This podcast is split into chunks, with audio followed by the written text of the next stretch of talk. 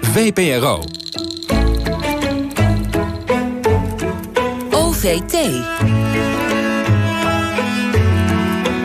Maand van de geschiedenis. Live vanuit cultureel centrum No Limit in Amsterdam-Bijlmer. Met Laura Stek en Jos Palm. Ja, goedemorgen met, uh, met... Ik sta hier... Nou, ik, we, we, zenden uit vanuit buurthuis Cultureel Centrum No Limit in de Bijlmermeer, Hartje Bijlmermeer. En u kunt het geloven of niet, het is een heerlijk lentezon, uh, herfstzonnetje natuurlijk. En ik loop hier met Wouter Pokorny, stedenbouwkundige en geboren en getogen in de Bijlmermeer.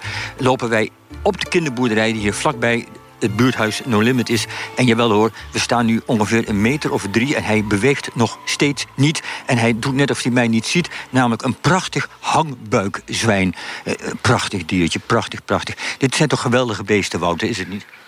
Ja, ja geen problemen mee. ja. ja, Wouter, vertel eens, wat is dit voor plek, deze kinderboerderij?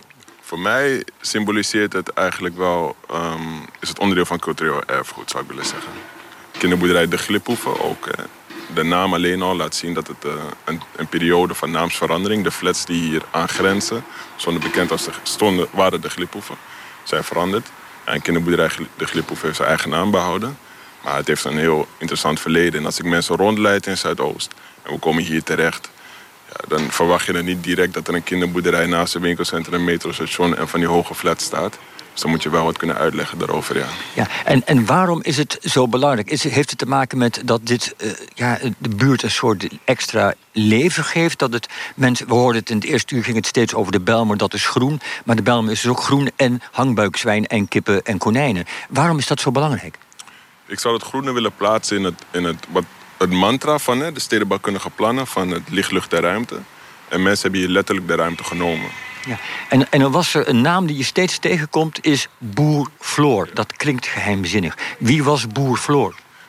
Uh, Boer Floor, ik moet even ruimte maken. Ja, er, komt de kar met stro langs voor het hangbuikzwijn, ja. Excuses. Um, Boer Floor, zover ik het kan vertalen. Ik heb de, de beste man zelf niet direct mogen meemaken. Of in ieder geval niet dat ik me dat kan uh, herinneren.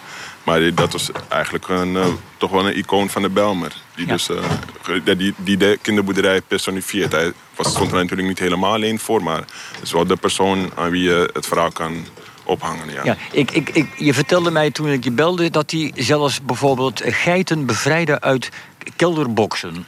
Nee, volgens mij is het begonnen dat hij met, um, ik weet niet of het kuikens of kippen waren, maar dat hij wat dieren ging verzorgen. En het was notabene volgens mij een, een, uh, ja, een tegelaar of hij werkte aan straattegels. Of was echt een, ja, een stratenmaker. Ja, stratenmaker, echt een working class man, zeg maar, die ja, zich ging ontfermen over uh, ja, dieren die, die, die, die, die zorg nodig hadden. Zover ik het begrijp, is daar vandaan is het gegroeid, is het gegroeid, is het gegroeid... en is uiteindelijk zelfs een hele kinderboerderij ja, uit de grond gestampt, zou ik willen zeggen. Juist, dankzij Boer Floor. Die moet een, naambordje en een standbeeldje krijgen hier. Nou, dus kinderboerderij De Gliphoeve, genoemd naar de flat die hier ooit stond... waar we het straks nog over gaan hebben. Laura, het woord is van jou. Wouter, bedankt tot op heden. We gaan je dadelijk weer